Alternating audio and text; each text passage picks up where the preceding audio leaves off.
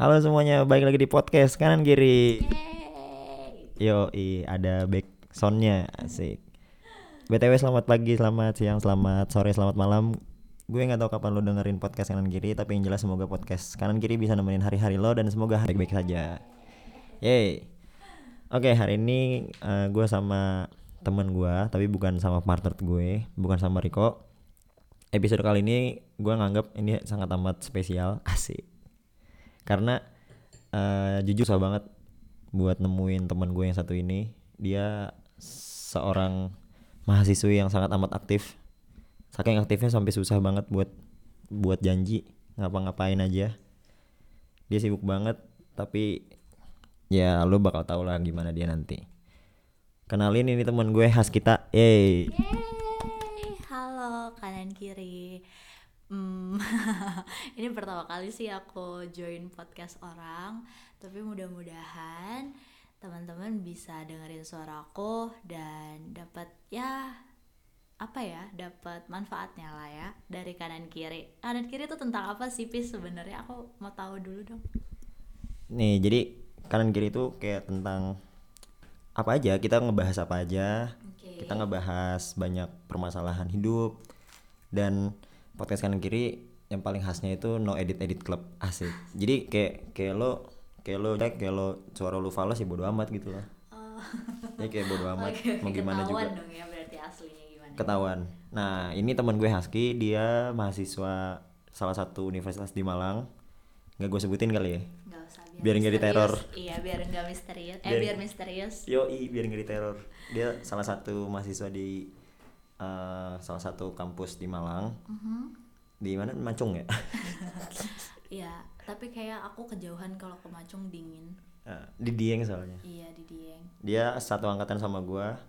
Coba dong sedikit cerita tentang lo kegiatan lo ngapain. Terus lo sibuk apa sekarang? Kemarin lo ngapain aja? Terserah lo. Halo, aku Husky dipanggilnya biasanya atau kalau mau lebih mudah Has atau Ki. Hmm, sekarang lagi sibuk skripsian. Hmm, studinya aku studi tentang hubungan internasional di salah satu universitas yang udah dijelasin Hafiz tadi. Terus kegiatannya sekarang aku kerja sambil skripsian aku kerja dan aku bareng sama teman-teman berkegiatan di Voila. Voila. Voila. Voila. Voila itu apa coy? Voila. Kayak bahasa Prancis gitu ya? Voila. Voila. Ya.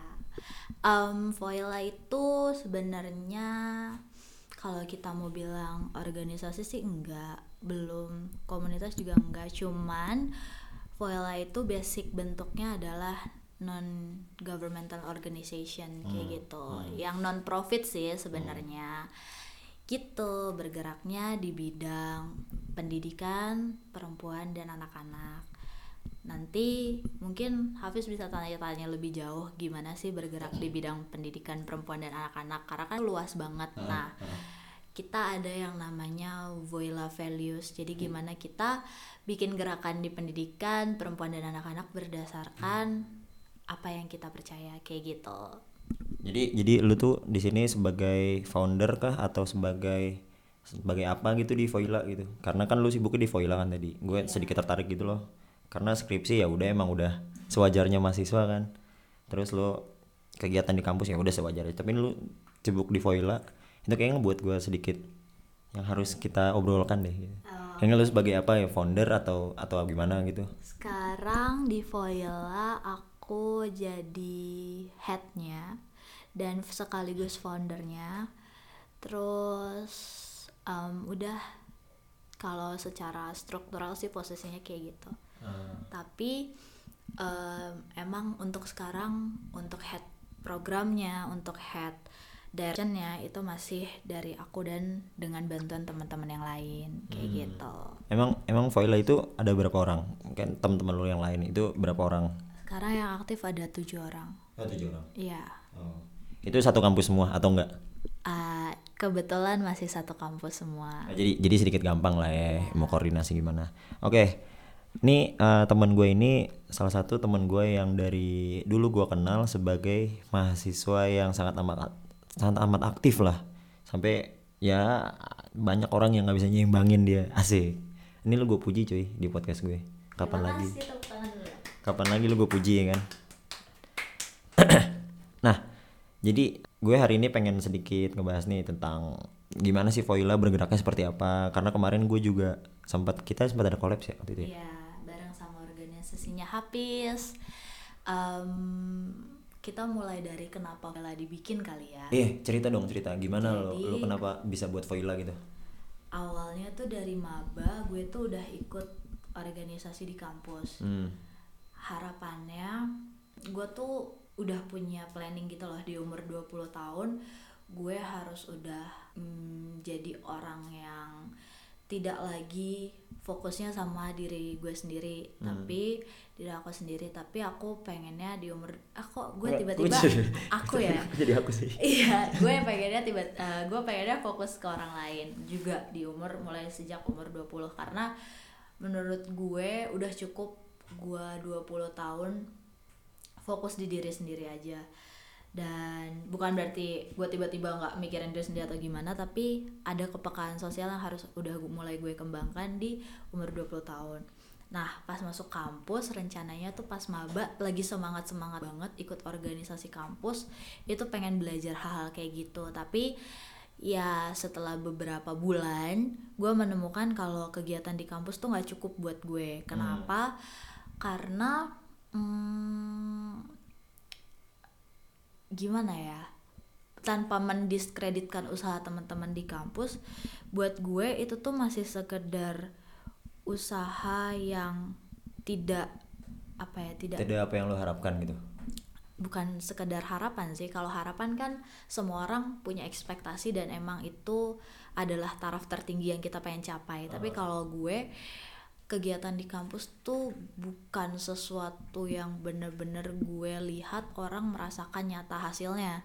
Karena gue pribadi saat gue bikin event di kampus atau bikin kegiatan di kampus taraf keberhasilan gue ya cuma tuh jujur aja dari seberapa keras cara itu nggak sih? Kayak tapi bukan value-nya gitu? Iya, nah em, dan sebenarnya gue bikin Voila itu karena gue nggak mau ninggalin Malang selama empat tahun cuma sampah. Gue nggak mau ninggalin Malang cuma kayak ya pencemaran dari motor yang gue pakai atau aktivitas gue sehari-hari. Gue nggak mau empat tahun yang dikasih privilege di sini gue pakai cuma hal-hal yang tidak apa ya tidak gua kembalikan kepada orang-orang di Malang jadi itu kayak give back gue lah ke Malang nah sederhananya motivasinya kayak gitu. Terus eh, setahun gue komunikasi sama dosen gue tentang kegelisahan gue dalam masyarakat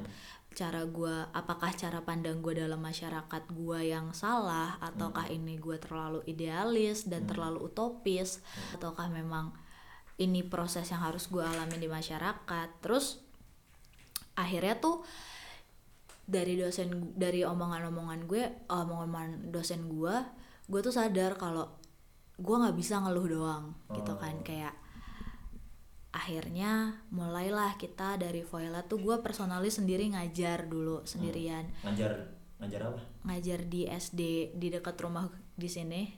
Gue iya gue ngajar di hari Sabtu Minggu mereka kan mereka ada pramuka. Oh. Gue tuh di sana izin sama gurunya karena kebetulan adik gue adik gue sekolah di situ. Ada lo? Ah, adik gue sekolah di situ terus eh adik gue tinggal di Malang. Hmm. yang masih kecil banget. Adik gue sekolah di situ dan gue bisa ya ikutan lah di dalam kegiatan sekolah itu tanpa harus ada proposal dan segala macamnya dan guru karena guru-gurunya tahu gimana gue dan adik gue kayak gitu kan.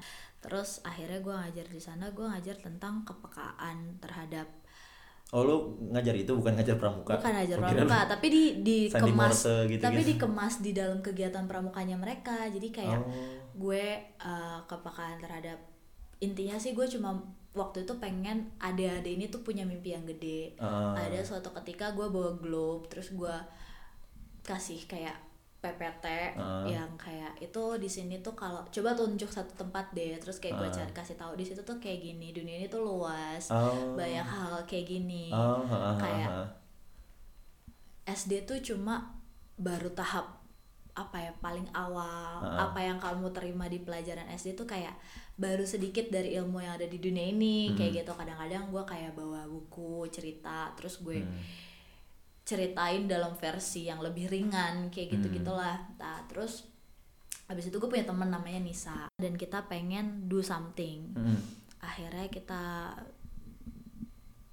diam diam diam diam diam cuma jadi diskusi aja Hmm. nah tapi gue tuh sebenarnya diskusinya nggak cuma sama Nisa doang sama teman satu kontrakan gue juga si Hmm. Rifda Hmm. jadi gue ngobrol sama Rifda ngob- gue ngobrol sama Nisa kayak tiba-tiba gue ngobrol sama mereka terus berbulan-bulan kayak apa sih nih gue ngobrol doang akhirnya suatu ketika gue bilang ke Rifda com kalau gue bikin kayak gini gimana ya gue Hmm. kayak gitu gue bikin lah nilai-nilai apalah kayak imajinasi gue lah Voila itu Hmm. akan ngapain segala macam terus com bilang Rifda bilang oh bikin aja kayak gitu kan Mhm. akhirnya gue approach Nisa yang gue anggap itu counterparts dari gue yang Hmm. bisa jadi partner gue untuk bikin ini Hmm. Dan kita bikin Voila Voila itu sebenarnya nggak perfect sih nggak kayak udah jadi organisasi yang gue bisa bilang ini organisasi yang berhasil atau Hmm, apa pun hmm. tapi Voila ini organisasi yang gue dan orang-orang di dalamnya tuh sama-sama pelan-pelan tumbuh pelan-pelan tuh ya memahami sebenarnya apakah gue cocok di bidang sosial Hmm, kayak gini hmm. karena pure Voila tuh tentang kepekaan lo terhadap apa yang lo mau lakuin buat masyarakat aja kayak Hmm. gitu Berarti Voila ini lo lo kayak cuman iseng-iseng dikontrakan bertiga. iya Terus kayak diskusi-diskusi terus sama-sama saling resah kali ya sama iya masyarakat. sama- sama-sama saling seling dumel sih sebenarnya Ah. lo sering gak sih kayak apaan sih kenapa sih anak zaman sekarang kayak gini Ah, gitu kan ah. apa sih kayak gini nah gue tuh nggak suka gue cuma Ah. ngedumel doang tuh kayak Ah. Terus kenapa lo ngedumel apa bedanya gitu loh? Kayak lo juga nggak ngelakuin apa apa buat bantu mereka setelah gue lihat di negara-negara lain kayak gimana gue lihat dia ya yang gue lihat gue rasain selama ini kayak ya lo nggak ada bedanya ha sama orang-orang yang lo protes. Lo nggak lo nggak one step ahead karena lo nggak doing apa-apa lo cuma doing things buat diri lo sendiri. Ah. nah itu yang gue mengganggu selama ya sekitar dua semester. Tapi tapi kan lu bilang Voila ini dari keresahan dari keresahan lu tentang masyarakat gitu ya. Hmm. Emang yang lu resahin dari masyarakat apa dah? kan kayaknya Kan banyak nih permasalahan sosial di masyarakat ya kayak ya kayak apalah gitu ya contohnya ya. Yang paling yang paling membuat lu anjir gue harus bikin satu pergerakan yang di mana keresahan ini bisa gue tuntasin. Hmm, sebenarnya gue dari education sih, dari pendidikan. Heeh. Hmm, gue adalah satu dari sekian orang yang beruntung sebenarnya. Heeh. Wal gue tinggal sama nenek gue dan beliau ini banyak ngajarin gue hal-hal yang setelah gue besar dan gue berinteraksi dengan teman-teman gue di level yang lebih dewasa ya nggak cuma main-main senang-senang doang. Gue tahu bahwa oh ternyata nggak semua rumah belajar hal kayak mengajarkan tentang hal-hal kayak gini. Nggak semua rumah dapat pendidikan kayak gini dan menurut gue sekolah harusnya mengajarkan pendidikan kayak gitu karena itu akar masalah Hmm. yang lebih besar di masyarakat Hmm, hmm. itu concern gue adalah pendidikan Hmm. yang kedua adalah women and children kenapa karena gue adalah survivor sendiri Hmm. dari kekerasan terhadap perempuan dan kenapa children karena gue merasa children tuh masa depan bangsa nah Hmm.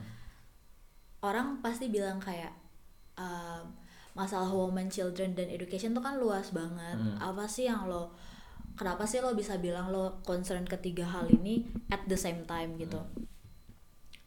Gue percaya kalau semua hal di dunia ini tuh mm, saling berhubungan. Hmm. Kalau lo punya at least lo punya pendidikan yang proper, yang sesuai, yang gak jarin binary kayak satu tambah satu dua atau hitam it- ini hitam itu putih, lo bisa punya kesempatan untuk membangun diri lo. Nah, kenapa fokus gue adalah perempuan karena dalam struktur pendidikan yang sekarang perempuan itu akhirnya jadi mendapatkan posisi yang timpang di masyarakat Hmm. bukan karena bukan cuma karena memang budayanya patriarki Hmm. tapi karena memang banyak perempuan itu yang mendown men apa ya mengunderestimate diri diri mereka sendiri Hmm. dan anak-anak dari perempuan yang termasuk laki-laki juga Hmm. itu mengalami permasalahan yang sama dari represi akibat mereka nggak mendapat pendidikan yang cukup paham gak sih Hmm, hmm. tentang gimana sih sebenarnya peran mereka di masyarakat apa Hmm. sih yang mereka bisa lakukan di masyarakat terus posisi mereka di masyarakat tuh apakah harus mengalir seperti itu ataukah mereka bisa melakukan hal yang lain dan Hmm. intinya sih represi tentang identitas kita Hmm. Berarti berarti ini menarik ya menurut gua. Berarti salah satu keresahan yang terjadi di masyarakat yang membuat pada akhirnya lo termotivasi dalam bergerak itu salah satunya perempuan gitu. iya perempuan Lu lu bisa nggak ceritain tentang contohnya di misalkan nih di, di di tempat mana atau di daerah mana yang benar-benar ngebuat lu jengkel gitu kayak benar-benar ngebuat lu resah. Ya itu di Indonesia lah kayak gitu. banyak sih sebenarnya maksudnya gue biar biar gini loh biar orang-orang juga tahu kayak gimana sih contohnya eh, keresahan lo kayak gitu contoh realnya kayak gitu loh Oke, contoh realnya ya. Waktu gue pertama kali nyampe Malang, Heeh. gue itu tinggal di yang tempat kita ngelakuin interview sekarang. Hmm. Gue tinggal di sini, di dalam uh, masyarakat di sini. Baru tiga hari di sini, gue dapat undangan tetangga gue nikahan. Hmm. Gue nggak kenal, gue nggak tahu backgroundnya kayak gimana. But karena gue baru juga, gue nggak enak gue datang. Hmm. gue datang ke sana gue datang ke acara nikahannya gue kenalan lalala segala macem gue denger ceritanya ternyata anak ini baru lulus SMP nikah nikah Dan- sini iya gue Iya. nggak bercanda ini beneran itu yang gue gue di Jakarta gue gue besar di Bekasi dan di Jakarta dan di sana udah banyak uh, permasalahan masalah orang nikah cepat karena hal Di karena umur gitu. determinan A, determinan B, determinan C. Heeh, heeh, heeh. Dan itu gue udah waktu gue SMA, SMP tuh gue udah melihat dan udah melihat itu sebagai masalah. Tapi yang gue kaget pas gue sampai di sini adalah gue kaget literally saat dia bilang, "Kok gue nanyanya cuma, "Oh, ini udah berapa lama emang kenalnya?" gitu-gitulah biasa Hmm. kayak gue ngucapin selamat, kenalnya di mana, gue bilang kayak gitu kan. ya. Iya, basa-basi Heeh. mereka bilang oh kenalnya dari pas mereka satu SD katanya kayak gitu oh jadi teman SD-nya teman SD pas SMP nikah gitu iya Singkat banget. SD ya kayak gitu terus gue kayak oh gitu udah lama banget dong ya berarti gue gue asumsi gue ada karena dia pakai make up gue nggak tahu kan usia dia berapa Heeh.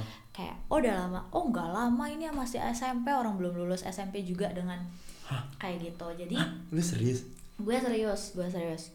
Dan gue ngobrol akhirnya. Karena gue penasaran gue orangnya penasaran banget. Lo ngobrol sama orang tuanya? Nah gue samperin orang tuanya. Itu tuh gue ngobrol sama ngerti kan mulut tetangga ya kayak akhir gue nanya A tapi gue denger sampai Z gitu loh. Mulut netizen. Iya. Nah jadi karena gue nggak gue nggak suka denger sesuatu yang kayak sifatnya kayak gitu yang menurut gue harus konfirmasi dari orangnya langsung. Jadi gue dengan memberanikan diri gue kenalan lah sama orang tuanya. Gue bilang gue baru pindah lalala segala macem. Gue gak kenal tapi terima kasih udah diundang lalala basa-basi.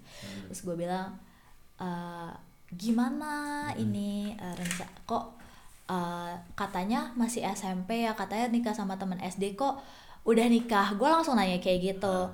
Kira-kira eh, dan itu bukan jadi sesuatu yang tabu di sini karena banyak ternyata ntar lo. SMP itu berarti umur berapa cuy?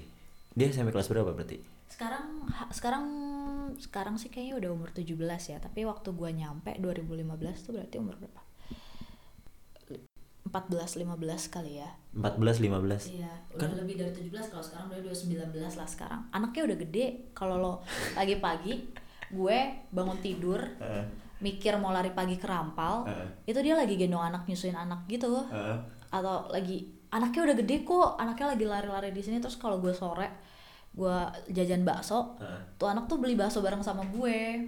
Anak yang gue nikahannya gue baru datang itu. Heeh. Eh, itu itu itu itu menjadi titik keresahan loh. Artinya lu dari dari segi si ceweknya atau dari segi karena di Indonesia kan mengatur juga kan minimal menikah wanita itu 19 bukan sih? Hmm, setahu gue sih iya 19. 19 kan. Nah, dia di umur di bawah 19 berarti di bawah umur begitu kan. Itu bukan titik keresahan gue Nah, titik keresahan lo apa berarti? Nah, dari situ gue tahu kalau anak ini tuh dari yang gue ketemu orang tua itu gue tahu kalau anak ini tuh ngerengek minta dinikahin Oh, jadi yang jadi minta lu nikah itu adalah si anak perempuan ini Oh, jadi lu Udah pas, lama. pas ketemu orang tua itu Iya, udah orang lama. tuanya itu Iya, Oh. orang tuanya bilang anaknya yang ngerengek. Bucin banget berarti ya? Eh kalau kalau anak zaman sekarang sih kayak gitu. terus terus. Dan ternyata gue penasaran dong kenapa lo pengen banget nikah ya gue Ah. tanya lah sama tuh anak cewek ya kan gue samperin aja dia lagi salam salaman gue samperin Lagi di aja, gua pelaminan kenal. samperin emang lu. bukan lagi kayak lagi makan makan gitu ngerti gak sih lo kayak dia matur suwun ge udah datang gitu gitu Oh, terus iya, gue kayak iya, iya. kok udah nikah aja sih aku lo gue kayak gitu kan kayak terus dia cerita iya teman-teman aku tuh udah banyak nih nikah. Set akhirnya di situ gue bilang gue akan mencari tahu teman-teman dia semua yang nikah kenapa alasannya. Hmm. jadi alasan mereka menikah adalah saat di kelas mereka ngerasa bukan anak yang pinter. Heeh, Paham gak sih? Karena mereka bukan anak yang pinter mereka merasa kayak ya udah gue nggak akan bisa ke mana-mana. Gue kuliah pun gue nggak akan bisa bersaing sama mereka yang pinter menurut standar pendidikan. Karena gue tahu banget gue merasakan juga waktu gue SD SMP SMA gue dibilang makanya nilainya yang bagus nanti nggak bisa kerja. Lalala segala macam mau jadi apa lalala dan segala macamnya. Gue tidak menyalahkan guru-guru atas narasi itu karena ada itu ada the whole lot different story about that. Tapi dari situ anak-anak ini berpikir bahwa oh gue nggak akan sukses di masyarakat ya udah gue ngapain trying? Gue nikah aja. Karena determinan di dalam kelompok sosial di kampung ini di daerah ini eh, kalau lo sudah menikah lo sudah punya anak ya udah lo tidak punya kewajiban lain untuk mengembangkan diri lo dan lo tidak akan dituntut untuk itu gitu Oh, jadi dia kayak solusi dari semua masalah hidup gue nikah gitu. Iya. Itu adalah titik pertama keresahan gue. Gue Ah. mikir kalau ada 10.000 ribu anak muda yang mikir kayak gini, Heeh. bonus demografi yang diomongin omong-omongin ini, Ah. yang dibilang 2030 kita akan domus dari lalala itu bullshit gak akan ada. Ah. yang ada kita malah ketibanan beban anak-anak muda yang punya anak yang umurnya muda juga yang harus ditanggung pendidikan dan kesehatannya sama negara. Ya gak sih? Iya. di situ gue mulai kayak gila ini kalau ini ada 500 kampung yang kayak gini aja gimana? Heeh. nah abis itu gue ikutan lah sama kegiatan di Women Crisis Center. Jadi ada lab laborat laboratorium hukum hubungan internasional Women ngadain Crisis Center. ya ngadain kegiatan sama Women Crisis Center di It- Mutiara Itu di Malang. di Malang Oh, ada. Ada. Itu komunitas. LSM. Oh, LSM. Iya dia dia ngasih inian hukum lalala segala Hmm, macam. hmm. Dan dosen gue kredit tuh Bu Meli. Hmm. Bu Meli ini adalah salah satu aktivis juga di bidang perempuan. Nah, Halo Bu Meli. ya semoga Bu Meli dengar. Terima kasih Bu Meli. Eh, Bu Meli ini banyak banget doing research Hmm. tentang apa sih perempuan di daerah Malang ini dan di daerah Jawa Timur. Terus Bu Meli itu sangat baik hati men- membagikan semua hasil riset beliau ke gue. Hmm. Mulai dari angka pernikahan yang sangat tinggi di usia 13 sampai 15 tahun yang gue udah lihat sendiri buktinya Iya. dan gue udah denger sendiri Heeh. sampai kasus di mana apa sih eh, ustadz ya apa sih kalau di pesantren Ustadz Kiai Kiai. Ya Kiai. itulah petinggi-petinggi agama itu menikahi anak-anak di bawah Santrinya umur gitu? iya Heeh.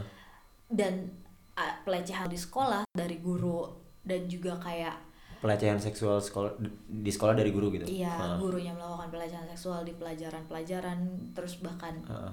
Waktu itu heboh juga kan di berita yang Iya. anak SD dilecehkan segala macam Bu Meli tuh udah menemukan itu selama beliau berkarir di bidang akademik dan fem- dan perkembangan perempuan Hmm. dan juga salah satu pengamat feminisme Hmm. beliau itu udah menemukan hal itu dari situ dari cerita-cerita ya Bu Meli itu gue kayak gue perempuan Hmm. gue berada di situasi yang sangat privilege Hmm. gue paling enggak gue pengen apa ya gue tidak pura-pura nggak tahu sebenarnya sih kayak gitu Maksudnya maksudnya?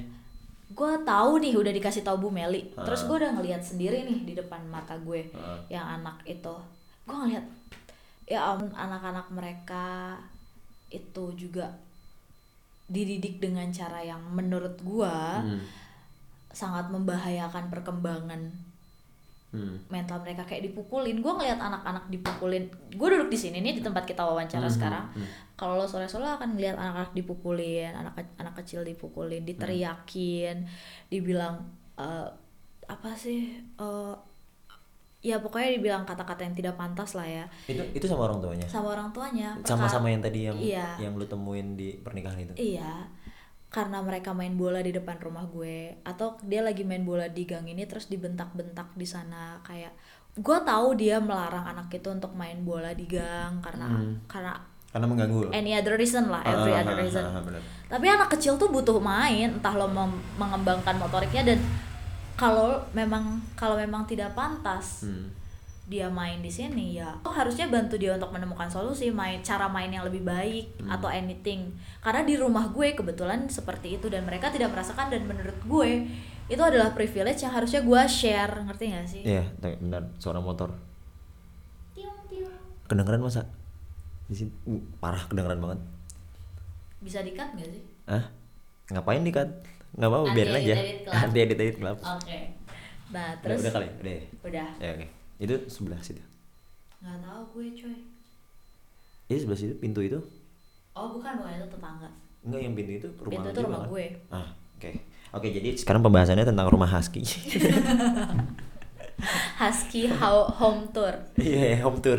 Eh, lanjut lanjut lanjut. sampai mana tadi ya intinya sih kayak gitu Heeh. gue merasa kayak paling enggak dari semua privilege yang dikasih sama orang tua gue gue coba do something lah buat orang lain sangat kalau ada yang denger mikirnya kayak ala um, sosokan tapi ya gue Oh, tapi tapi lu banyak dibilang orang gitu, ah, sosokan lu bikin gituan. banyak kayak ngapain sih has lo udah ya bukan ya gimana lo udah kerja lo udah dapet duit lo bisa ini Heeh. lo bisa balik ke Jakarta lo bisa kayak gini lah lah. ngapain ngurusin orang Malang ya udah kalau emang dia nikah di bawah umur dia ini lah. tapi kayak Kayak hmm, gue kayak bodo amat gitu lah ya kayak iya lo idealis idealis gue, mana gue gitu. gue tidak gue tidak sebenarnya gue sering banget dibilang idealis nih. Heeh.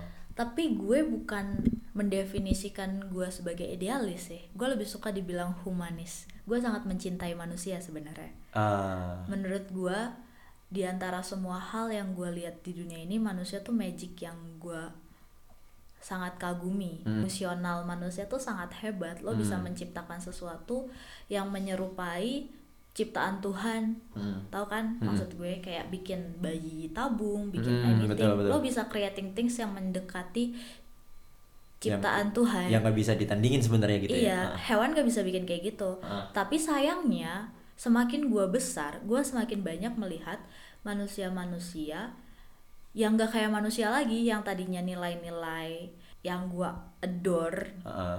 ternyata mereka jadi kehilangan nilai-nilai tersebut dan di mata gue jadi ya udah sa- nggak lo nggak ada bedanya lagi sama hewan padahal lo tuh creature yang sangat amazing Hmm. nah makanya gue tidak nyaman dengan dibilang, dibilang idealis gue mau dibilang humanis mungkin orang-orang di sana akan mendebat dengan kayak ya, humanis kan kayak gini gini Ah, gini tapi kembali lagi itu adalah definisi gue yang sotoy ini dengan ilmu gue yang masih cetek Nih, Has.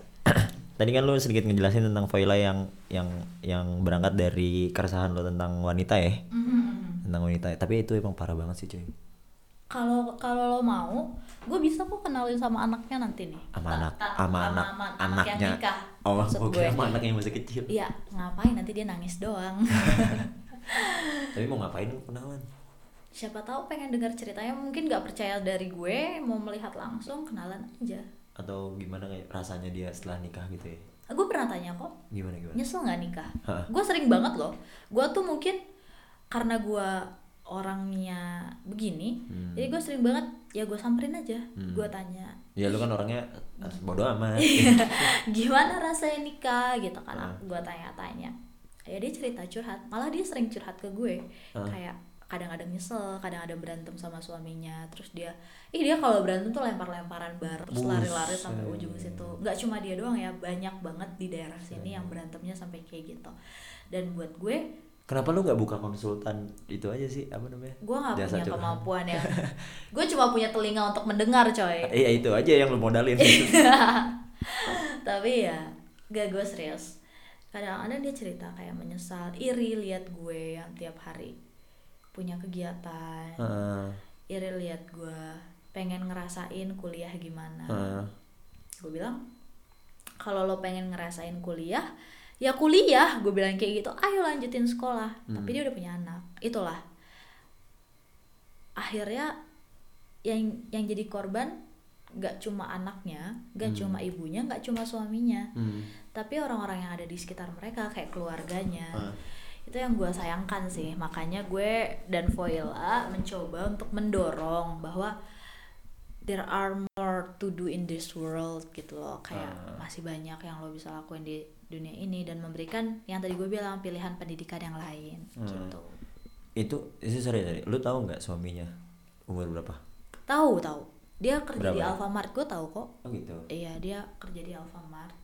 Umurnya lebih muda dari gue Lahiran 99 Istrinya lahiran Bentar gue lupa. Kelahiran 97 Enggak kok sembi- Antara 99 apa 2000 ya. Gue lupa lah Pokoknya mereka hampir setara dong. Iya hampir setara. Ah sumpah Iya. Oke kita nggak bakal bahas lebih lanjut ya. Nggak boleh gibahin orang. Ah, tapi kasus. tapi tapi kita doain aja semoga bahagia terus nggak sih? Eh iya. Dan Ya udah Semoga Semoga anaknya nggak menjadi korban. Semoga dia kasih tahu ke anaknya untuk tidak melakukan kesalahan yang sama. Itu doang sih. Gue selalu bilang kalau bisa anaknya jangan disuruh nikah cepat gitu. Tapi tapi itu kan menurut lu kan. Tapi menurut ya dia orang kan dia bukan yang salah. bilang dia yang oh gitu. menyesal oh gitu. Berarti emang emang salah ya? Mungkin dia at some point merasa itu salah at some point merasa itu benar. Ah. Kan namanya penilaian benar dan masalah manusia itu kan kadang-kadang dipengaruhi oleh tingkat kebahagiaan mereka. Hmm, hmm, jadi kalau misalnya lo korupsi tapi lo seneng kan jadinya kelihatan benar ya nggak sih? hmm, hmm. dan lo ngebunuh orang lo seneng kan kelihatan benar. Kelihatan benar that's why ada orang-orang psycho ya nggak sih? Benar benar benar berarti kalau gue tebak nih lu tuh orangnya ini ya feminisme lu Eh. menganut paham feminis atau gimana kalau atau gue soto ya jujur tuh ya soto sih kalau dibilang gua menganut paham feminis kayaknya at some point gue bisa dibilang seperti itu tapi Ah. Ada yang perlu dipahami adalah ada beberapa jenis feminisme Ah, di dunia benar ini. benar benar benar nah itu itu yang nggak yang nggak banyak tahu sebenarnya ya ada beberapa jenis feminisme di dunia ini yang kalau pakai istilah-istilah feminisme ya masa gue tiba-tiba jelasin itu sih Ya, silakan usah. hubungi Bu Meli Nggak nih, gue mau nanya, gue mau nanya. Banyak orang yang menganggap kalau feminisme itu sebagai pergerakan melawan laki-laki. Lu setuju atau enggak? banyak yang menganggap seperti itu karena di dalam beberapa society Heeh. memang determinan yang harus dilawan itu jelas laki-laki misalnya kalau lo di India Hmm. ada organisasi feminisme yang melindungi perempuan dari pernikahan em, yang dipaksakan. Hmm. apa sih bahasanya? Gue lupa. Pokoknya intinya mereka kayak gitu. Determinan lawan mereka jelas yang merepresi mereka adalah laki-laki. Hmm. yang menganggap wanita di India itu sebagai barang. Hmm. atau ada feminisme yang secara jelas em, apa ya menolak kekerasan atau apa pun lah atau ekologi feminisme tentang yang fokusnya ke lingkungan dan segala macam itu tuh ada determinan lawan-lawan yang memang itu fakta gitu loh. Itu yang mereka itu yang merepresi mereka. Hmm. jadi lo nggak bisa generalisir bilang feminisme melawan laki-laki karena kadang ada juga yang sesama perempuan juga merepresi perempuan gitu loh. Hmm. jadi feminisme juga berjuang untuk hal-hal yang kayak gitu. Tapi gue adalah feminisme yang sangat sederhana percayanya bahwa feminisme itu tentang kesetaraan gender Iya, heeh. Berarti berarti lu nggak setuju sama omongan-omongan netizen. Gue sih sebenarnya based on orang-orang Indonesia sih sebenarnya. Kayak kayak apa namanya? eh, feminisme itu melawan laki-laki. atau melawan kodrat alaminya dan sebagainya Hmm. itu kayak nah, gue pengen gue pengen nanya aja ke lo karena karena ju- jujur cuy kita sebelum kita bertemu kita sudah sering diskusi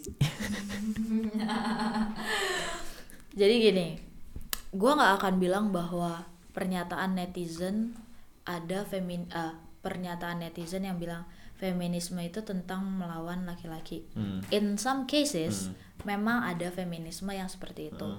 In some ways, ada feminisme yang percaya bahwa memang feminisme itu tentang mengangkat perempuan, mengangkat derajat perempuan di atas laki-laki. Memang ada yang percaya kayak gitu. In some cases, ada juga yang bilang bahwa feminisme ini eh, menurunkan derajat laki-laki atau Eh, itu dia tuh membenci. Ada juga yang memang seperti itu. That's the point bahwa feminisme tuh ada beberapa jenis. Hmm. But menurut gue feminisme yang dulu muncul itu kan memang karena dia perempuan itu tidak memiliki hak untuk belajar. Hmm. Dalam sastra-sastra kuno kalau lo baca tulisan-tulisan di Yunani Hmm. itu juga perempuan itu ada di sisi yang jauh dari sejarah. Hmm. Nah, bahkan sejarah aja bahasa Inggrisnya history kan, bukan man story, human Oh, story ah, ya kan, ah. atau ya hal-hal kayak gitulah.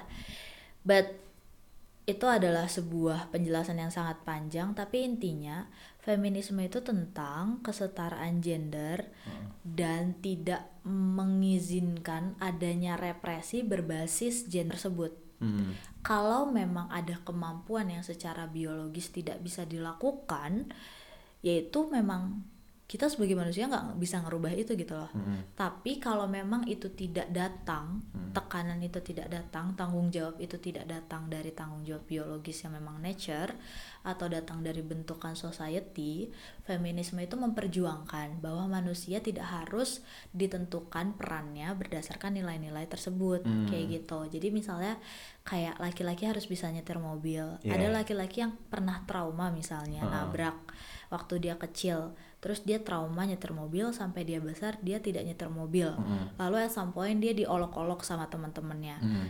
di dalam feminisme yang gue percaya di dalam perjuangan atas kesetaraan gender yang gue percaya hal tersebut adalah sesuatu yang harus gue bela juga Hmm.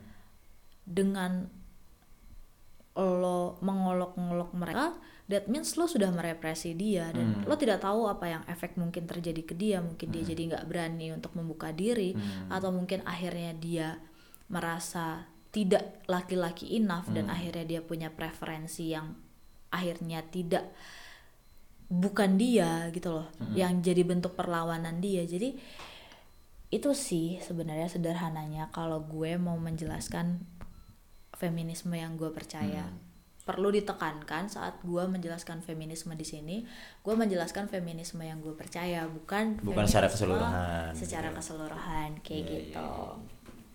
Tapi lu ini, lu bi- lu bisa sedikit ceritain gak atau jelasin gitu eh, kenapa di Indonesia feminisme itu dianggap sebagai perlawanan wanita, pergerakan perlawanan wanita. Tapi kan sebenarnya lu ngejelasin kan tadi yang yang ada laki-laki trauma terus nggak mau nyetir karena nilai nilai masyarakat itu laki-laki harus bisa nyetir terus diolok-olok dan sebagainya yang tadi lu jelasin tadi. Itu kan lu ngejelasin juga kalau kalau feminisme itu sebenarnya bisa dari laki-laki gitu loh. Pergerakannya laki-laki juga bisa ikut gitu. Tapi kenapa pada akhirnya di sekitaran kita atau yang biasa kita temui lah itu diidentikan feminisme itu sebagai pergerakan perlawanan dari wanita lu bisa nggak jelasin? Karena mungkin namanya kali ya yang pertama feminisme. Bukan Notas- maskulinisme ya? Iya notasi namanya feminisme. Female Heeh. identik dengan female. Heeh. terus em, tokoh-tokohnya yang banyak berbicara lantang tentang feminisme itu yang bisa dilihat kebanyakan female. Hmm.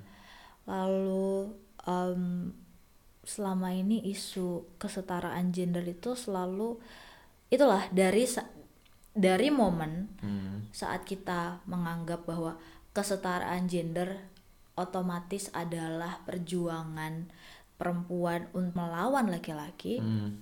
berarti kita secara tidak langsung sudah mengakui kalau di dalam gender Hmm. ada tingkatan Hmm. laki-laki Perempuan. dan perempuan itu saling mem- memperjuangkan siapa yang lebih tinggi siapa yang lebih rendah Hmm. karena kalau lo notasinya kayak gitu akhirnya ada yang lebih rendah dan lebih tinggi kan Mm. kalau tidak suka eh, feminisme mendukung perjuangan perempuan untuk melawan laki-laki tadi apa terminologi yang lo pakai itulah ya melawan Mm. Iya, melawan- untuk melawan laki-laki Jadi kayak terkesan tuh kayak melawan laki-laki gitu. ya berarti memang lu mem- menempatkan kedua gender ini sebagai dua binari yang berlawanan Hmm. kalau gue secara pribadi gue percaya dua gender ini adalah eksistensi yang harusnya harmonis Hmm. jadi you're not supposed to melawan mereka Hmm. you're supposed to be with them sebagai benar di dalam level yang sama Hmm. di dalam keadaan sosial yang memang sudah sangat hierarki ini Hmm. jangan ditambah lagi hierarkinya berdasarkan gender lo Hmm. Hmm. Gue sih nganggapnya seperti itu Ah. kenapa banyak yang menganggap itu ada perlawanan karena em, balik lagi yang tadi gue bilang feminisme itu ada berbagai jenis Heeh. sumber informasi tentang feminisme yang mereka baca Heeh. mungkin tidak menjelaskan hal tersebut dan akhirnya mereka menangkapnya seperti ha- seperti itu Heeh. mungkin juga uh, reading comprehension Ah, yang kurang ah, udah. kemampuan Benar, membaca benar. yang kurang karena ada- kalau dari Cuman media sepenggal sosial ayat-ayat doang gitu. ya atau dari apa pun atau dari internet manusia tuh cenderung mencari informasi yang mendukung argumentasi mereka Hmm. jadi misalnya kayak gue bilang ah pokoknya gue laki-laki di Indonesia ini sangat patriarkal Hmm. sangat represif terhadap perempuan Hmm. gue ingin mencari artikel-artikel di Google yang mendukung argumen itu Hmm. Hmm. nggak jarang banget orang yang mau nyari artikel di dua sisi mungkin Hmm. nggak ya bahwa perempuan tuh di Indonesia juga merendahkan laki-laki at some Hmm. point Hmm. nah mm, mungkin itu yang terjadi di society kayak gitu Tapi tanggapan lu kalau kalau kan se- sebenarnya yang banyak sekarang itu kan kayak catcalling ya kan? Ya kayak pelecehan uh, uh, pelecehan terhadap wanita lah. Mhm. Pelecehan terhadap wanita. Entah itu catcalling atau emang uh, sexual abuse dan sebagainya. Mhm. Tapi kalau misalkan nih di di society kita kan identiknya dengan perempuan ya yang bergerak tentang feminisme. Hmm. Tapi kalau misalkan itu terjadi pada laki-laki, sebenarnya yang harus dilakukan teman-teman yang bener-bener ya paham sama feminisme itu apa? Gue pribadi. Karena gini loh Has, Hmm, sorry coba, ya gue potong. Karena gini loh, gue sangat amat menyayangkan bahwa banyak banget cewek-cewek yang bilang eh, tentang feminisme dan sebagainya, tapi itu hanya untuk menjadi tameng dia gitu loh. tameng di tameng dia ketika dia disakiti atau direpresi atau di ya dan sebagainya lah. Maksud gue itu menjadi sebuah kegelisahan gue juga gitu loh. Tapi giliran ada cowok yang diperlakukan sama kayak lo lo nggak lo nggak berkutik kayak gitu. Nah, menurut lo gimana? Apa yang harus dilakukan gitu loh sama teman-teman yang mengaku-ngaku? Feminis atau bahkan emang atau bahkan memang dia sebagai penganut paham feminisme kayak gitu? Yang pertama harapan gue gue mau ngomong ini di depan ya. Hmm. harapan gue adalah jangan jadi feminisme karena that seems to be a cool thing. Mm-mm. that seems to be in right now. Mm-mm. karena back then beberapa puluh tahun yang lalu being a feminist itu equal with a risk that you could die Mm-mm. saat lo lo nggak bisa dengan lantang bilang gue feminis lalala segala macam uh. that's the first thing jadi gue mohon jangan asal comot Uh-uh. baca dulu dengan lengkap Mm. Pahami dengan lengkap karena it will be dangerous. Mm-mm. lo akan menciptakan aliran-aliran aktivitas yang tidak seharusnya lo ciptakan dan malah memperkeruh society kita. Itu personal Uh-uh. advice dari gue. Nah kalau tadi ditanya apa? Catcalling. Nggak maksudnya maksudnya reverse. eh ya gimana tanggapan lu nih sama sama orang-orang yang emang dia menga, me- apa ya menganut ya Ba- bahasanya menganut bukan sih hmm, ya boleh memahami paham ya A- atau gimana sih bahasanya ini gue takut salah ngomong nih kalau gua bilangnya adalah memperjuangkan mungkin lebih Ah, oke mereka-mereka yang memperjuangkan. kan biasanya identiknya dengan memperjuangkan eh, perempuan. Mhm. Tapi kan banyak juga nih yang terjadi pada laki-laki sebenarnya. Mhm. Kayak gitu. Seharusnya apa yang mereka lakukan gitu? Karena ya realitanya ketika laki-laki diperlakukan seperti itu, Mhm. mereka malah diam gitu loh. Mhm. Malah Iya. malah diam. Jadi terkesannya ya udah dia berjuangnya bukan buat kesetaraan gender atau persamaan hak. mungkin itu karena basically jarang kali ya ada yang kebalikan kayak gitu ya nggak sih Kebalikan gimana maksudnya? kayak laki-laki yang jadi korban Tapi ada, banyak. tapi iya, ada gue percaya ada Ah. dan banyak kan yang gue sering kayak ayo cerita sama gue dan banyak yang cerita kayak gitu kan Ah. gue laki-laki mengalami hal kayak gitu but um, yang harus lo percaya eh, yang harus lo pahami paham-paham pos positivisme Hmm. seperti feminis, green theory dan kawan-kawannya, historical sociology dan kawan-kawan. Nah itu sebagai kisi-kisi dari episode selanjutnya ya. itu um, pemahaman mengenai ideologinya itu berbeda di setiap otak yang berpikir, yang Mm-mm. berusaha memahami. Mm-mm. Itu yang harus lo pahami. Mm. Jadi saat lo bilang em, kenapa feminisme yang ada di luar sana tuh banyak yang diem aja saat ada gender yang bukan perempuan terrepresi Mm-mm. Di dalam otak mereka Mm-mm. mungkin mereka tidak mengidentifikasi rep tersebut sebagai bentuk represi Mm-mm. karena di dalam pemahaman mereka tentang nilai yang harus mereka perjuangkan Mm-mm. mereka menekankan perempuanlah yang harus mereka selamatkan. Mm-mm. Jadi udah dideterminasi di dalam kepala mereka kalau feminisme itu adalah perjuangan perempuan melawan penindasan Hmm. atau perjuangan perempuan dalam melindungi dirinya atau perjuangan perempuan dalam mendapatkan hak yang sama. Mm-mm. Yang harus digarisbawahi lagi adalah hak yang sama. Mm. Di Indonesia, di dalam beberapa hal memang perempuan memiliki hak-hak yang berbeda Mm-mm. dan untuk kebaikan perempuan akhirnya diciptakan kebijakan-kebijakan yang berbeda Mm. kayak misalnya um, ladies parking Oh iya. terus misalnya um, gerbong khusus perempuan Iya. nggak ada kan gerbong khusus laki-laki ya nggak sih Iya betul. nah um, kalau dibilang kenapa tidak peka terhadap represi eh, yang dialami oleh laki-laki, mereka udah termindset bahwa my job, my fight Mm. itu spesifik untuk mendorong ada gap tersebut, ada kebijakan yang memenuhi gap tersebut atau ada perjuangan yang memenuhi gap antara perempuan dan laki-laki tersebut, paham nggak? Kayak misalnya kita ambil contoh, To be honest nggak paham. oke kita Terlalu, lu gua- terlalu berat banget cuy. Iya, gue sederhanakan ya. Takut listener contoh. pada cabut. Iya, gue dengar gue dengan contoh ya. Oke oke oke. Jadi lo awalnya ada kenapa ada ladies parking? Ah, Awalnya adalah ada ladies parking adalah karena banyak penyerangan terhadap driver yang perempuan.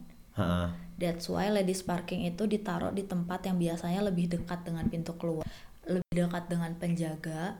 Kalau Lebih lebih dekat dengan penjaga. ah. Iya, lebih dekat dengan pintu keluar atau lebih terang atau le- ada CCTV-nya. Pokoknya intinya awalnya adalah itu untuk meningkatkan security dari perempuan tersebut. Hmm. Oke, itu privilege yang muncul. Hmm. Berarti dengan ada privilege yang muncul tersebut memang korbannya kan lebih banyak perempuan dong Iya, berarti iya. di dalam parking. Gua nggak bilang bahwa tidak ada penyerangan terhadap driver laki-laki. Iya. Tapi korbannya lebih banyak terha- terjadi Perempuan. terhadap perempuan. Hmm. That's why mereka menciptakan ladies parking. Hmm.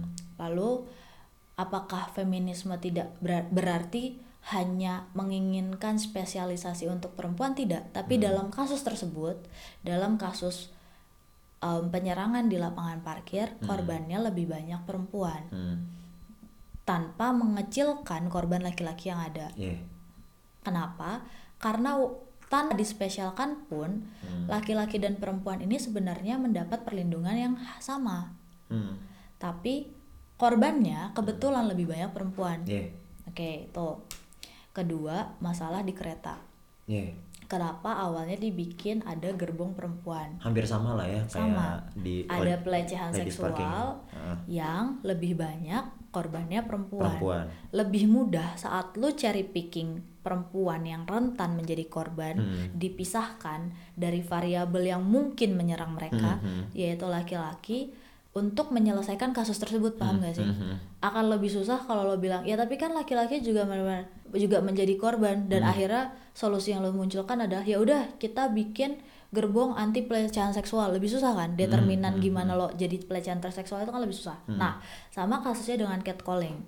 Memang ada mungkin laki-laki yang mengalami catcalling, Hmm, tapi kasusnya lebih banyak lebih banyak terjadi terhadap perempuan benar That's why perjuangannya lebih banyak untuk mengfasilita memfasilitasi korban yang Perempuan. mayoritas which is perempuan seperti itu Oh. tanpa mengurangi fakta bahwa laki-laki juga mengalami catcalling atau meleca- mengalami pelecehan seksual. Mhm. Saat laki-laki gue sebagai seorang yang percaya kesetaraan gender, saat Hmm. ada laki-laki yang menyampaikan ke gue bukan berarti gue nggak mau perjuangin, Hmm. gue akan perjuangin juga kalau dia Hmm. cerita secara spesifik dia korbannya. Tapi Hmm. impossible gue generalisir, gue harus memperjuangkan anti catcalling terhadap laki-laki dan perempuan saat laki-laki adalah pelakunya. pelakunya benar benar.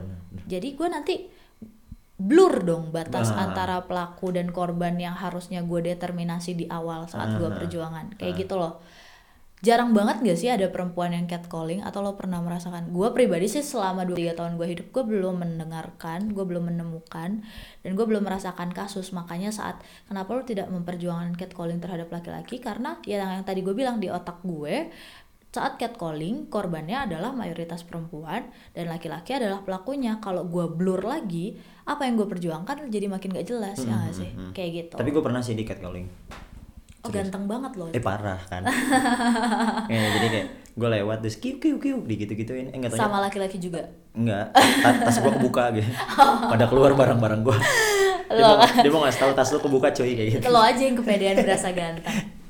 Gue udah gue udah marah-marah anjir nih orang catcalling gue nih. nah itu. Ah sama ini tingkat sensitivity sensitivity masyarakat kita tuh sangat tinggi sekarang Hmm, hmm. apa-apa marah-marah di media sosial Benar, benar. makanya ada terminologi social justice warrior Iya, benar. ada terminologi SJW. iya kayak gitu gue pribadi ya that's why karena lo tidak belajar dan tidak berusaha memahami things dari awal Hmm. akhirnya lo jadi oversensitive about things gue tanpa mendiskreditkan feminis-feminis yang lain Hmm, mungkin ya gue hmm, pribadi hmm. gue nggak pernah secara sensitif kayak ah lo feminis tuh kayak gini gini gini saat lo bercandain gue tentang Hmm. feminisme gue nggak pernah kayak ah apa sih nih dasar laki-laki yang nggak mau ngerti perjuangan perempuan secara terus marah-marah karena banyak kan kasus yang kayak gitu betul, betul. makanya laki-laki tuh benci sama feminisme kayak Hmm. nih jadi bikin perempuan-perempuan aneh kayak gitu kan padahal itu karena mereka tidak tidak bisa mereply secara baik. Hmm. mereka tidak bisa menjelaskan dari awal mungkin.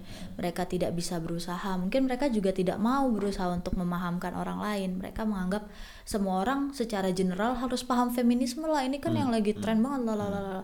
padahal mereka nggak tahu kalau untuk belajar feminisme aja pribadi ini gue tidak bermaksud sombong ya. Gue belajar feminisme itu dari gue SMP Oke. dari gue baca satu buku um, Jane Austen gue baca buku Itu buku Jane pertama Austen. yang lu baca tentang feminis. Enggak, itu nggak buku tentang feminis, itu buku Apa? sastra lam, karya sastra Penguin. Gue baca karya, kumpulan Penguin, Hmm. classic books. Gue baca Jane Austen. Waktu itu gue gak ngerti maknanya. Hmm. Pride and Prejudice, gue gak ngerti maknanya. Gue nanya sama om gue, Hmm. dijelasin lah, lala segala macam. Terus gue, oh ternyata ada di dunia ini namanya perjuangan tentang perempuan yaitu feminisme. Akhirnya gue mulai baca-baca yang lain, lala dan di SMA kebetulan gue kenal, eh dan di dunia perkuliahan gue kebetulan kenal sama Bu Meli yang mengajarkan banyak tentang feminisme ke gue Hmm. dan gue masih belum berani bilang bahwa gue sangat paham feminisme paham nggak Paham, paham. gak ada saat jadi saat orang bertanya feminisme ke gue juga gue tuh di dalam otak gue gue berhadap diri sendiri gitu loh Hmm, hmm. oh ternyata tingkat pemahaman gue segini ini bener gak ya nanti gue akan belajar lagi itu yang kayaknya budaya yang harus dibiasakan di orang-orang Indonesia Hmm, hmm. jangan merasa cukup karena udah baca satu artikel atau baca satu jurnal atau udah browsing-browsing atau udah datang satu kajian itu bahaya. Tapi emang gitu fenomenanya. Nah, iya kayak itu. dia udah baca satu kalimat kayak, kayak seakan-akan tahu satu buku gitu. Iya, itu bahaya. Sebel banget gue sumpah. Nah, itulah yang membuat akhirnya crash. Heeh. Lo berusaha untuk membawa sesuatu yang baik, tapi Hmm. lo tidak membawanya dengan cara yang baik, akhirnya kan pasti ditolak. Kayak kalau lo datang ke desa terus lo petantang petenteng Hmm. bilang, "Ini desa harusnya nggak kayak gini nih, lalala segala macam apa pun program lo kan akhirnya ditolak. Iya. Di resist sama warga desanya karena lo tidak tahu cara mendekati mereka, cara membuat perjuangan ini juga jadi perjuangan mereka kayak Mm-mm. gitu. Nah itu yang pada akhirnya membuat salah satu calon presiden kita blunder di Bali. Oh, gua nggak mau bahas tentang presiden. Gua sedang dalam Emang gua bahas. vakum posisi eh, tentang presidensial. Emang gua nggak mau juga bahas sih. Iya, karena begitulah. Tapi itu menurut gua analoginya sama kayak lu Iya, gitu loh. Dia datang itu. petantang petenteng, dia nggak tahu keadaan di sana.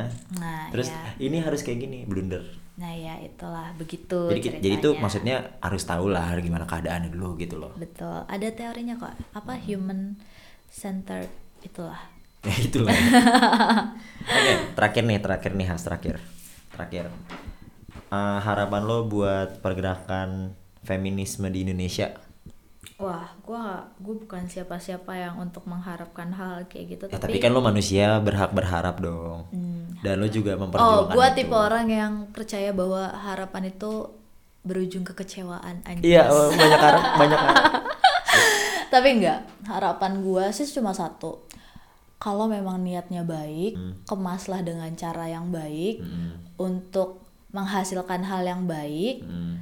dan bikin perjuangan ini bukan tentang kamu. Feminisme Hmm. bukan tentang kamu doang, tapi tentang mereka yang kamu lawan, Hmm. bahkan laki-laki yang kamu lawan tuh juga harus kamu ajarin, ngerti Hmm. sih kayak saat lo percaya feminisme, menurut gue lo tidak seharusnya menjustifikasi laki-laki yang pelaku ini sebagai korban yang harus dimusnahkan. Kenapa? Karena anak laki-laki itu juga anak perempuan, anak dari perempuan, ngerti gak sih?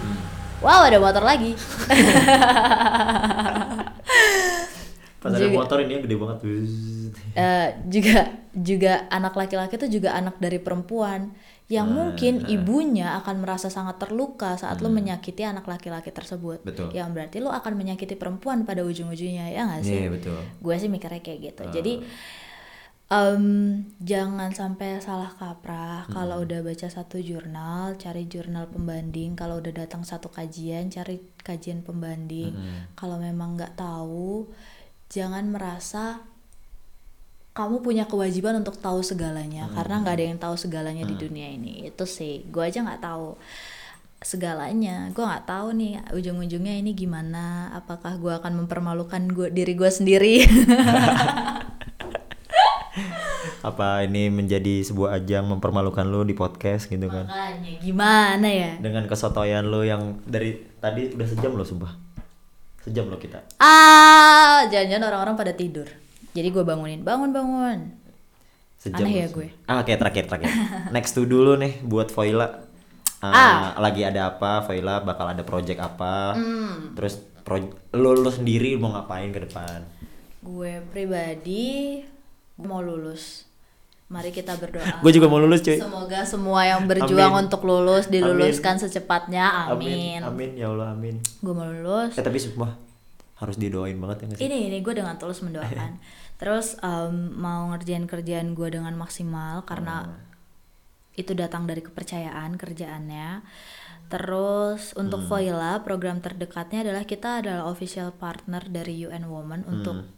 Kampanye mereka di Indonesia. Ah, ah. Tapi em, kita mau mengambil satu kampanyenya yaitu he, he for she yang kita ubah Ah. bukan jadi he for she tapi he and she. Hmm. Kalau he for she itu kan perjuangan tentang laki-laki untuk perjuangan perempuan. Hmm. Tapi kalau Voila pengennya laki-laki dan perempuan berjuang untuk kesetaraan mereka. Hmm, hmm. Nah, bentuknya apa? Tunggu tanggal Tanggal main ya? Iya. Ya ini promosi. Gak seru kalau dibuka sekarang. jadi jadi jadi, jadi dong. promosi. Iya. Jadi eh cukup lah ya. Udah satu jam gak sih? Nggak kerasa. Dah. Udah gitu doang closingnya. Oke deh, thank you eh Has kita. Terima Salah kasih. salah satu teman gua dari maba kita kenal dari maba ya kita satu EM. Loh, waduh duh, kan? disebut. nggak gini gua cut sumpah. Kita satu kampus. Iya aduh ketahuan juga dong. Ya udahlah sekalian ketahuan. Aku mahasiswa Universitas Brawijaya. ya fakultas ilmu sosial ilmu politik ya? Iya, dulu lu menteri apa sih? Di BIM nggak usah disebut. oh lu menteri dulu ya? Nggak apa-apa gue yang nyombongin. Enggak, enggak. enggak, enggak. kan lu menteri gue menteri waktu itu. Iya ya udah thank you Husky Eh, udah sedikit sharing-sharing. Ini buat kalian semua yang dari kemarin nun- nunggu sumpah gue di DM cuy. Oh, di dalam apa tuh? sumpah sum- sumpah gue di DM kayak pis ayo dong bahas feminisme bahas feminisme. Ah, gue kayak mikir mampus gue siapa ini gue? Mau ngomong apa kalau gue sendiri? Lu tau gak sih gue ada salah satu episode 30 menit tuh gue 30 menit berasa 30 jam gue ngomong. Kayak nggak tahu gue ngomongin apaan lama banget kayak outline itu udah ada gitu loh has outline udah ada cuman 30 menit dong kayak 30 jam ya udah oke gitu aja dari podcast kanan kiri have a nice day. thank you semuanya uh, udah dengerin selama satu jam lebih Yay. Semoga podcast gue, podcast kanan kiri bisa berguna ya. Bisa Amin. apa yang lo sharingin bisa berguna. Amin. Kalau ada yang mau diobrolin, gue selalu terbuka mendengar obrolan. Yo, lo mau ngasih Instagram lo nggak? Enggak. Nggak. At Hasquita. Eh, tetap ya nggak sih? lo kalau mau ngobrol-ngobrol sama khas kita, sama teman gue satu ini, lo add aja. Eh apa? Ah, follow ya, follow Instagram aja. Yo, thank you deh segitu aja dari kita. Dadah semuanya.